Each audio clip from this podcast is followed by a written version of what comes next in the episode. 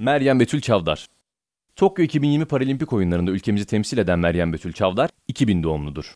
Ego, spor kulübü sporcusudur.